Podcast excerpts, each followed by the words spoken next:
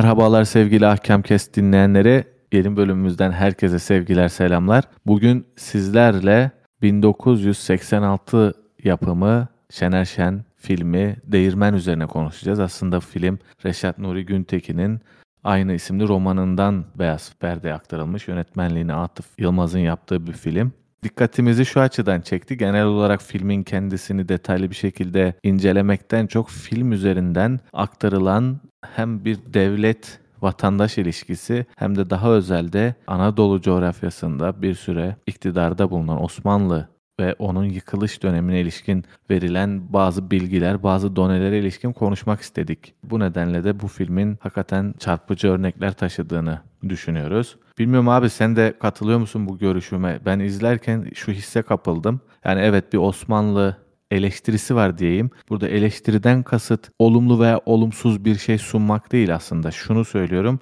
Ortaya bir yıkılış sürecinin en azından sebeplerinden birkaçını koymaya çalışmışlar. Bir örnek teşkil etmesi adına. Yani bir hakir görme, küçük göstermeden çok bir perspektifi, bir realiteyi ortaya koymuşlar. Tabii bunu ortaya koyarken de merkeziyetçi sistemin aslında ne büyük yük olduğunu, ne büyük hantallığa sahip olduğunu, ne büyük krizlere aslında açık olduğunu bir şekilde ortaya koymuşlar. Bilinçli veya bilinçsiz bir şekilde. Bu çünkü Osmanlı ile sadece Osmanlı ile ilişki değil. Osmanlı'dan sonra Cumhuriyet döneminde de aynı sıkıntıyı yaşadık. İletişim araçları, ulaşım araçları ne kadar gelişmiş olsa da aynı sıkıntılar devam etti. Merkezden uzak yerlerdeki olan olayların merkezde ne şekilde algılandığı ve nasıl müdahale edildiğine dair meseleler.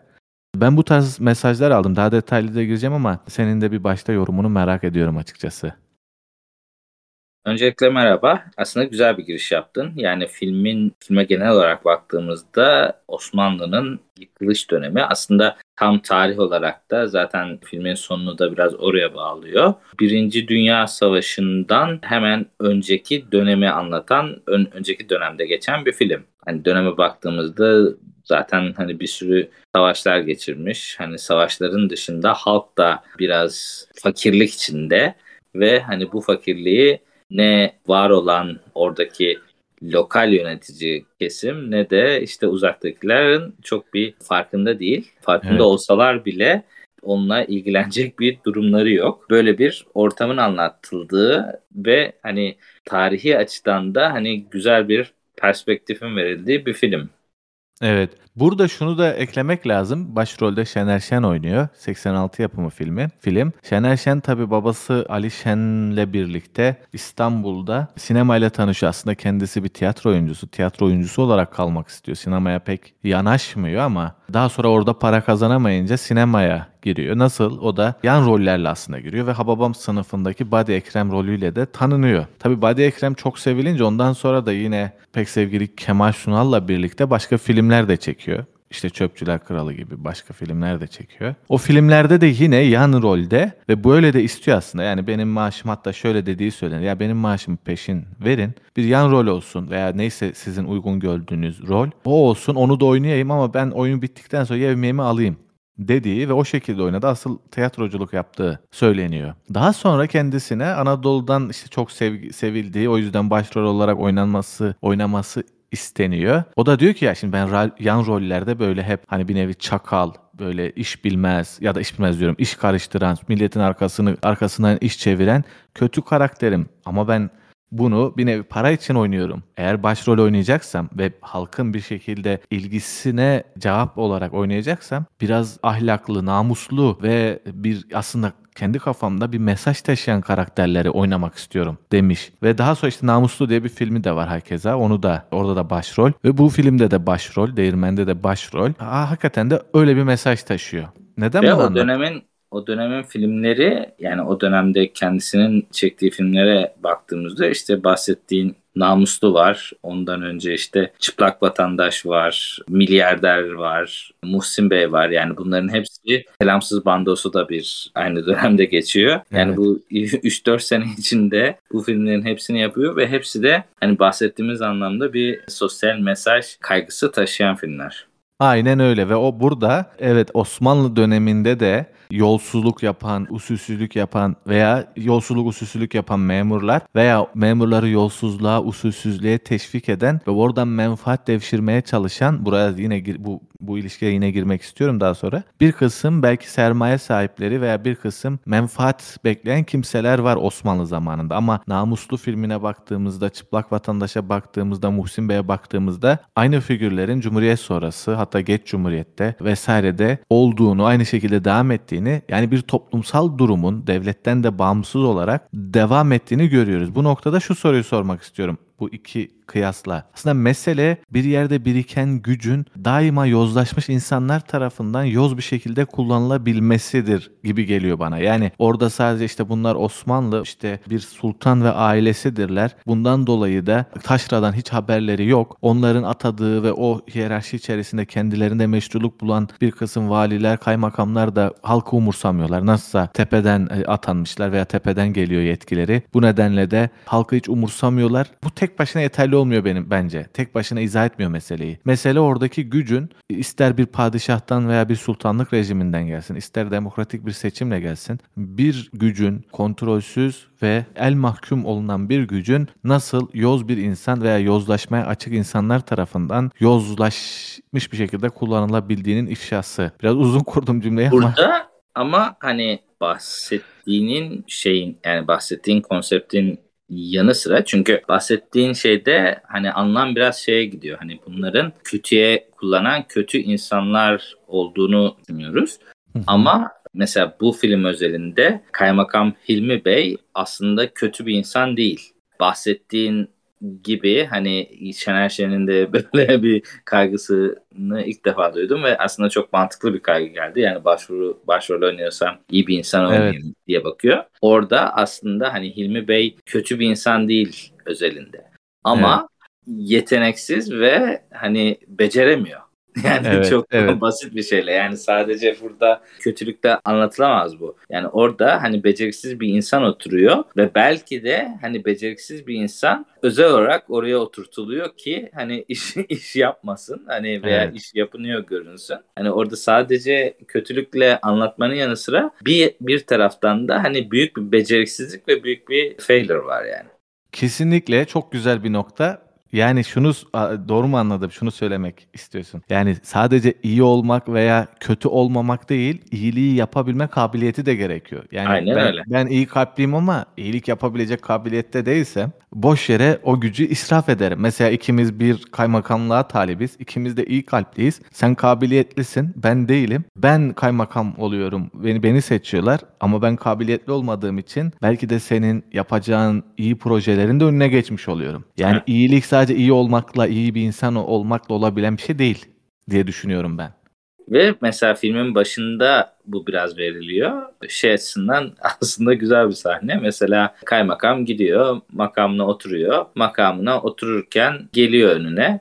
Evet. Yani bir sürü şey geliyor işte okul tamiratı için para lazım. Buna yarın bakalım diyor.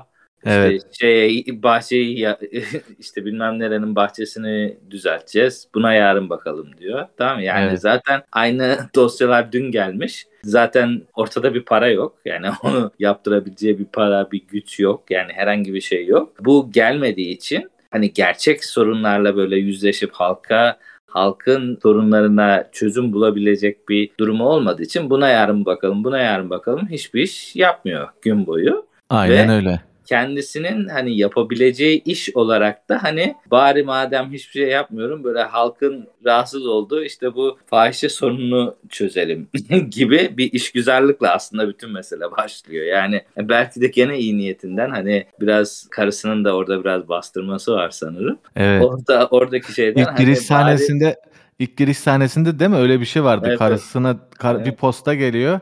Ya diyor koskoca kaymakam bir fahişeyle baş edememiş tarzı. İşte karısı Aynen da zaten öyle. baş edemezsin diyor. Ve hatta şöyle bir de gönderme de yapıyor. Yani sen şimdi onunla görüşeceksin. Muhtemelen onun ağına düşeceksin gibi. Orada bir öyle bir aralarında şey de oluyor. Aynen öyle. O yüzden yani ortada hani bir bütçe yok bir şey yok. Kendisi hani kötü niyetli olmasa bile hani daha magazinsel işlere gidiyor. Ve hani günün sonunda kendisini o yozlaşmış mecliste buluyor.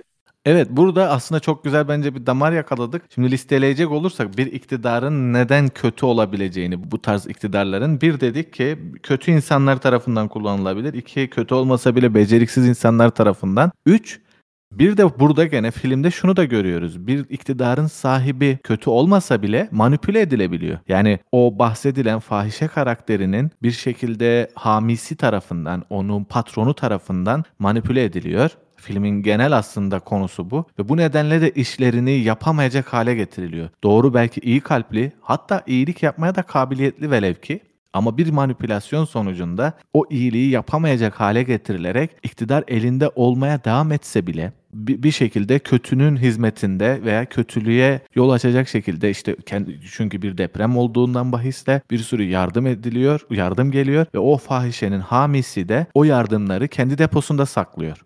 Böyle bir olay var orada. Yani manipüle ederek. Bir de bu taraf var. Yani üçüncü olarak iyi insanlar manipülasyonla kötüleştirilebilir veya iyilik yapmaktan uzaklaştırılabilir gibi bir mesaj da aldım ben. Evet. Burada sadece hani o deprem oluşu ve hani deprem olayından önceki meselede de yani aslında adam dediğin gibi o hamisi dediğimiz işte kişi Pezevengi diyelim, diyelim aslında. Pezevengi belki. diyelim yani.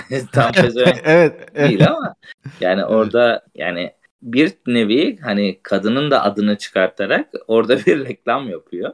Evet. Ve hani bu reklamın sonucunda yani neredeyse bütün hani kasabanın ileri gelenleri diye sınıflandıracağımız hani bir konsey şeklinde jandarma komutanı, mal müdürü, kaymakam hepsi beraber hani o adamın gecesine, evine e, şeye eğlenceye gidebiliyorlar. Oradaki zaten çıkartılan lafı da belki o pezevengi çıkartıyor. Yani oradaki evet. durumlar hani zaten hani o yozlaşma kısmını oradan söylemiştim zaten. Yoksa Aynen ortada öyle. hani bir ahlaksız durum yok. Ama oradaki durumu ahlaksız yapan şey devlet otoritesi ve devlet gücündeki insanların hani bu şekilde Aynen. manipüle edilmesi kısmı yoksa Serap Aksoy'un oynadığı rol ve dans da ayrıca çok güzeldi yani onu da Kesin. belirtelim. Yani bir ahlaksız tarafı yoktu.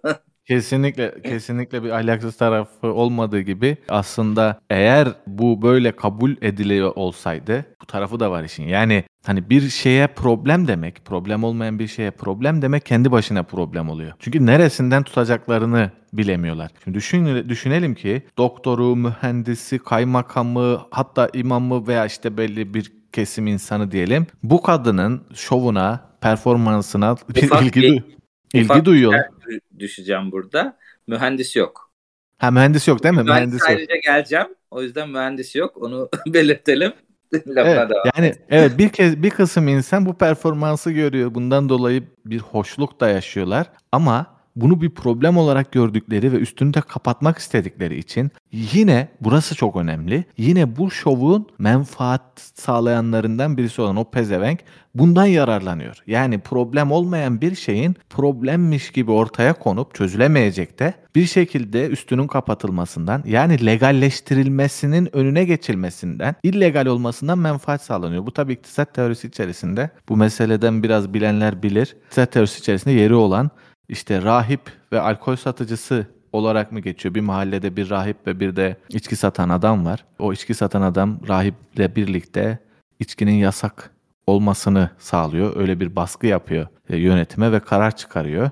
Karar çıktıktan sonra kara borsadan içki satmaya başlıyor ve zenginleşiyor. Bu da o hesap. Bir şekilde kaymakamı manipüle ediyor veya bahsettiğimiz gibi oyuna getiriyor. Ondan sonra gelen yardımları da depoya atıyor sürekli. Çünkü kaymakam diyemiyor ki ya biz bunun evindeydik. Bunun evinde çıkan bir olaydan dolayı biz bunu deprem zannettik. Deprem oldu zannettik. Biz yaralandık. Üstünü kapatmak için de bu deprem yalanına devam ettik. E gelen yardımlarda ne yapacağız? Deprem olmadı diyemiyoruz. E bu adam da bunun üzerine bunları deposuna topluyor. Bunun da güzel bir örneği yani bu yalan söylemi. Yani aslında bazı illegal şeyleri o işi yapanlar tarafından yasak yasaklandığı ve bundan menfaat sağlandığına ilişkin güzel bir örnekti. Burada söylediğin örnek dışında yani söylediğin örnek tipik kronik kapitalizm şeklinde yani oranın en ileri gelen iş adamının aslında devletle el ele kol kola yaptığı bir durum var yani oradaki durumu. Benim dikkatimi çeken bir diğer durumda bu olayın hani bürokrasi içinde escalation'ı biraz garip oluyor. Yani orada bahsettiğin gibi bir şekilde bu olay duyuluyor. Duyulduktan sonra bir şekilde örtbas etmek faydalı olabilir ama insanlar da bunu örtbas etmiyor genelde.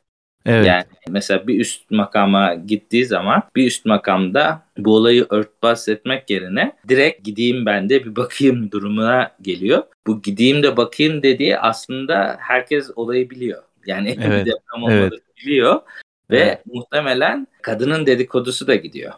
Aynen. Yani kadının dedikodusu gittiği için hani bunu ben de bir hani çok metninizi duyduk şeklinde. Burada evet. hani şeyi şeye de biraz belki gönderme mi artık açıklama olabilir. Yani bir olay üst tarafa akse, aksedilirken etrafındaki dedikodular belki olayın anlatımından daha hızlı gidiyor.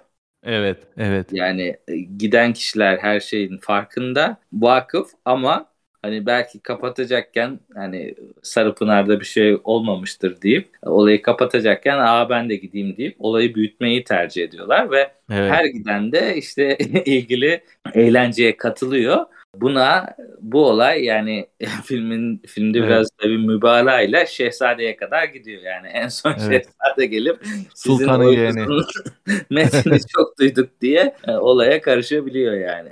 Göbeğinizle deprem yapıyormuşsunuz falan Aynen. metini çok duyduk. Orada çok güzel, çok güzel bir noktayı izah ettin. Hakikaten bir boşluk bir delik diyelim veya bir oyulacak bir şey bulmuşlar. Aslında hiçbiri ta sultanın yeğenine kadar, şehzadeye kadar hiçbirisi şey olduğunu düşünmüyor olabilir. Ya orada deprem yok hepimiz biliyoruz. Tamam bunu bir, bir yalan uydurdular. Ama bu yalanı uydurmalarına sebep güzellikte, ilgi çekici, çekicilikte birisi var. E, onu görmenin, onu bir nevi teftiş adı altında. Çünkü önce vali geliyor. Vali gidiyor. Bir tane önce birisini gönderiyor bir memur. O aptal. O öyle gözüküyor. Hı hı.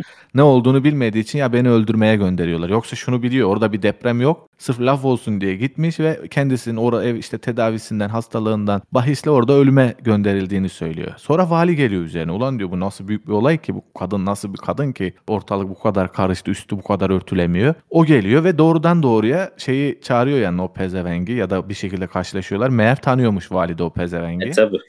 Diyor ki akşam geliyorum diyor. Yani dert belli orada dert deprem deprem değil. Sonra dediğin gibi yeğen geliyor. O da şeyi yani padişahın yeğeni o da şeyi alıyor trenine bindiriyor. Paket yapıp götürüyor tabii yanında. O ilgili dansözü diyelim. Çünkü dans ettiğini gördük. Başka hani aslında fuhuştan bahsediliyor ama fuhuş dedikleri dans etmesi, dansözlük yani performansı o gösterdiği iş. Şimdi burada şunu da ama şu da var bir ek olarak. O olaylar sırasında işte kaymakamlıktan ayrılıyor çünkü o altından kalkamayacağını düşünüyor bu rezilliğin tırnak içerisinde. Sonra biraz e, etrafı gezerken aslında kendilerinin bu işi oynaşı sırasında, uğraştıkları işler sırasında halkın bir kesiminin fakir olduğunu görüyor ve tekrar bir planla gelecek olan padişahı da güya ikna etmek amacıyla hani yardımların aslında boşa gitmediğini, bir faydasız olmadığını da gösterip o yardımları ele geçirme adına bir plan kuruyor. Nedir o planda? Tabii en başa belki de eklemek lazım. Spoiler dolu bir anlatıcı olacak. İşte evlerin yıkılarak gerçekten bir deprem varmış gibi gösterilmesi. Şimdi burada ben şunu da gördüm ama bir tür güçle, kendine güvenle o gücün güçten sebep yozlaşma hali. Evleri yıktırıyor çünkü şöyle bir şeye inanıyor. Ben şimdi böyle bir işi başarırsam diyor. Böyle bir güçteyim de aslında insanlar gelip benim hazırladığım ortama bakacak. Valiyi de gidip ikna ediyor. Evleri yıktırıyor ama günün sonunda herkes her şeyi bildiğinden dolayı gelen yardımları savaşa diyet olarak mı, savaş için vergi olarak mı ne toplayıp elinden alıyorlar. İnsanlar evlerini bağış olarak alıyorlar ve insanlar evlerinin yıkılmasıyla kalıyor. Böyle evsiz barksız bir şekilde. Bu da bir tip yozlaşmayı, bir tip kendi hani güç güçle sarhoş olmayı, işin ucunu bucağını kestirememeyi, kimin neye vakıf olduğunu görememeyi gösteriyor gibi geliyor. Bilmiyorum zorlama bir yorum mu olur? Çok yok çok doğru bir yorum ve hani genel olarak da katılıyorum yani. Burada ben bir ek parantez açmak istiyorum. Az önce ufacık değindiğim yani mühendis karakteri. filmin bence en iyi karakterlerinden birisi. Çok Tarık Papuçoğlu da çok iyi Kesinlikle. oynamış ve çok karakter olarak da güzel yazılmış bir karakter ve savaş öncesi dönemi bahsettiğimiz için aslında hani Kurtuluş Savaşı sırasında çıkan Kuvayi Milliye hareketinin işte en başları e, erken öncülerinden sayabileceğimiz bir karakter var. mühendis karakteri. Bu karakter yine aslında halktan kopuk olarak görebileceğimiz gibi hani diğerlerine göre okumuş ve hani çok imamla ve hocayla çok çekişmelere giren bir karakter. Hani o yüzden biraz halktan kopuk bir karakter ama yine de halkın en çok faydasına onların yaşadığı acıları çok farkında değil ama yine gelen parayı onlara harcamaya çalışan ve hani tamam hani bürokrasi adına bu doğru olmayabilir ama ben buna rağmen bu parayı fakirler için harcarım. Bunun karşında da ceza görürsem görürüm şeklinde hı hı. bir tavra sahip ve bürokrasinin içinden veya işte bahsettiğimiz statükonun içinden eğer hani bir değişim olacaksa bu değişimi aslında temsil eden çok güzel bir karakter yazılmış Kesinlikle. ve bu karakteri ilk başta kendi yolsuzluklarının ve kendi durumlarını çok kurcalamasın diye aslında içlerine alıyorlar. İşte kurulan komiteye kendisine ekliyorlar. Ama o komitenin içerisinde de zapt etmekte güçlük çekiyorlar. Çünkü bahsettiğimiz gibi hani o, o oradaki corruption'ı bir şekilde hani durdurmanın yolunu da aslında o biliyor. Evet. Burada tabii o söylediğin şey kesinlikle doğru. Ona ek olarak şunu da belki söylemek istiyorum. Doğrudan doğruya ilişki ağı içerisinde bir mühendis olmayla işte bir kaymakam olma, başka diyelim ki diğer başka mesleklerin icrasının gerektirdiği şartların da ben etkisini görüyorum. Yani mühendis matematiksel bir akıl yürüterek var olan kültürel ilişkilerin, geleneksel ilişkilerin doğrudan doğruya gelenekten kastım sadece Osmanlı, sadece İslam, sadece bölgesel kültür değil. Gelen devlet kültürünün de getirdiği zorunluluklardan bağımsız düşünebiliyor. Yani sen güzelce dediğin gibi Aynen. işte bu paranın işte bu şekilde harcanması devlet bürokrasi şu bu ne derse desin. Şu anda zorunlu olarak ortadaki problemin çözülmesinin yolu bu paranın bu yoksul halka, fakir halka harcanması. Ancak bu şekilde burası tekrardan imar edilir ve tekrardan insanların yaşamak ve üretmek için bir sebepleri olur. Şimdi ben bu meseleyi böyle alma sebebim şu. Buna ilişkin yazılan birçok şeye baktım. Birçok demin de birkaç yazıya baktım bu filme dair. Bir Osmanlı incelemesi var. Osmanlı üzerinden kritikler yapılmış vesaire gibi. Ama işin aslı bu sadece Osmanlı ile ilgili bir şey değil. Çünkü Osmanlı kritiklerinin özellikle Osmanlı'nın yıkılmaya giden sürecinde Atatürk'ün de o Atatürk'le ilgili söylenen şeylerin de o dönemde benim dikkatimi çeken ve kesinlikle katılmadığım bir noktası var. Osmanlı'nın gerçekten ciddi bir kültüre veya ciddi bir değişken olabilme kabiliyetine sahip olduğu düşünülüyor. Ama bence değil. Bence diğerleri gibi diğer evet padişahlık, sultanlık, krallık gibi ele alınabilecek ve aslında çok iyi kültürel örnekleri kendisine has doneleri olmayan bir yapı. Evet çok büyük, çok güçlü dönemleri olmuş. Çok büyük yani İslam'dan belki de ilişkili olarak çok hızlı yayılmış belli bölgelerde İslam'dan yine gelen kültürel üstün, üstünlüğü almış ama Osmanlı olarak o kadar büyük özellikleri olduğunu düşünmüyorum. Böyle olunca bu filmde de sırf Osmanlı'ya has bir done yakalayamadım. Doğrudan doğruya yozlaşmış bir merkezi devlet var. Yozlaşmış bir halk düşmanı yapı var. Halktan uzak. Bu nedenle yani kasti olmasa bile kazaen bilmeden bilinçsizce taksirle halk düşmanı olmuş bir yapı var. Çünkü halkın bir nevi en sonunda evini bile, evlerini bile başlarına kendi kendi kendilerine yıktırıyor. Yani halka kendi evlerini yıktırıyor. ne dersek diyelim yani. Böyle bir yapı bir şeylerin üstünü örtmek veya bir şeyleri halletme adı altında. E şimdi tamam ama bu bir merkezi devletlerin çoğunda görülebilecek. Eğer gerçekten bir özgürlük, o sorunun kaynağında sorunu çözebilecek, o sorunun kaynağında sorunu keşfetmiş insanların işte mühendis gibi alanının açılmaması halinde ortaya çıkabilecek, dünyanın her yerinde görülebilecek bazı felaketlere güzel örnekler var diye düşünüyorum filmde. Burada Osmanlı'ya özel olmamasına katılıyorum ama hani ben olayı biraz daha aslında evrenselden öte daha lokal görüyorum. Yani tazminattan sonra özellikle oluşan işte Osmanlı'daki iki grup mu diyeyim artık? Nasıl nasıl tanımlayacağım? Hani bir çağdaşlaşma ülküsüyle giden bir grup ve hani onun karşısında daha statikocu, dini öne çıkartan bir grup. Bu iki grubun çatışması aslında hani Türkiye tarihi şeklinde geçirebileceğimiz yani sadece Osmanlı'da olmayan Cumhuriyet'te de miras bırakılmış bir çekişme Evet. var.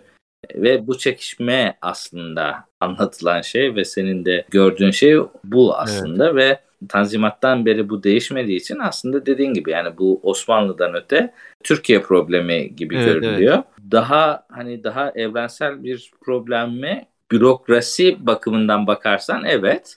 Ama hani ilgili bölünmüşlük ve e, halka bu kadar yabancı olma da açıkçası hani biraz daha Türklere daha yatsıyan bir anlatım gibime geldi bana. Evet belki orada şu söylenebilir ya da ben şunu söyleyeyim. Belki Türkiye'deki ilerici cenah, ilerici kamp yeterince işi kökünden halletmek konusunda yeterince e, arzulu olamamış veya daha insaflı oldu, olmuşlar. Yani Frans, İşte ilerici Fransız, demeyelim yüzden. Fransız Ben- ben- bence oradaki daha doğru laf batıcı. batıcı Yani olalım. ileri geri Evet.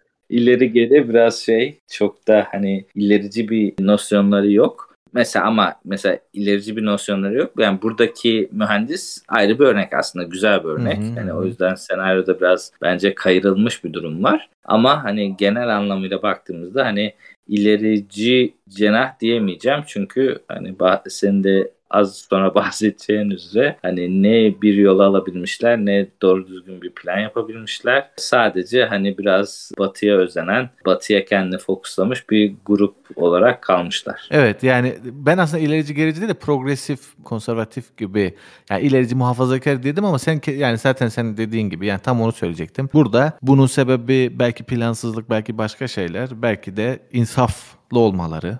Belki de çok ellerinin yumuşak olmaları, ellerinin korkak olması. Yani Fransız ihtilalinde kurulan giyotinlerin kurulmaması veya o şekilde bir açlığın hiçbir zaman Anadolu topraklarında yaşanmamasından bahisle öyle bir çılgınlığın da yaşanmaması belli, yozlaşmış ve muhafazasında ısrar edilen kurumlara karşı hala eli yumuşak insanların. Bu böyle de gidebilir. Bilemem. Yani ben kendi adıma acaba nasıl olur? Daha sonra öyle çılgınca işler olur mu, olmaz mı? Buna ilişkin hiçbir öngörüm yok. Veya bir revizyonla işler o yozlaşmış kurumlar revize edilebilir mi? Bunu da bilmiyorum ama bu filmde de bunun örneğini görüyoruz. Yani eğer o mühendis işte kaymakamı ikna etmek, onunla spor yapmak yerine örnek örnek veriyorum. O halk hazır hareketlenmişken ve kendisi de bir şekilde o muallimle beraber, oradaki gazeteciyle beraber o halkın o hareketliliği sırasında orada bir dar ağacı kurabilseymiş bazı şeyler Ama işte bazı şeyler bazı şeyler belki daha çözüme ulaşabilirmiş gibi.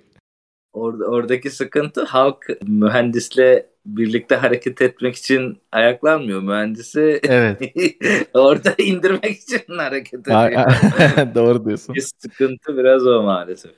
Ben bu filme genel olarak Şener Şen'e olan sevgi ve saygımdan dolayı genel olarak beğendim. Şener Şen'in de oyunculuk tekniğini kendi tiyatrodan gelen birisi olması ve kendisini hep tiyatroyla ilişkilendirmesinden bahisle ortaya koyduğu oyunculuk tekniğini kesinlikle hayranlıkla izledim. Elbette burada sadece Şener Şen, Şener Şen çok pa- parlıyor ama dediğim gibi mesela Tarık Papuççuoğlu kesinlikle geri kalmıyor. Yine hakeza Serap Aksoy az sahne alsa da aldığı sahnelerde gereken şeyi, gereken mesajı, gereken doneleri hakikaten başarılı veriyor. Yani göz devirmesinden sesini tonlamasına kadar birkaç sahnesi var zaten.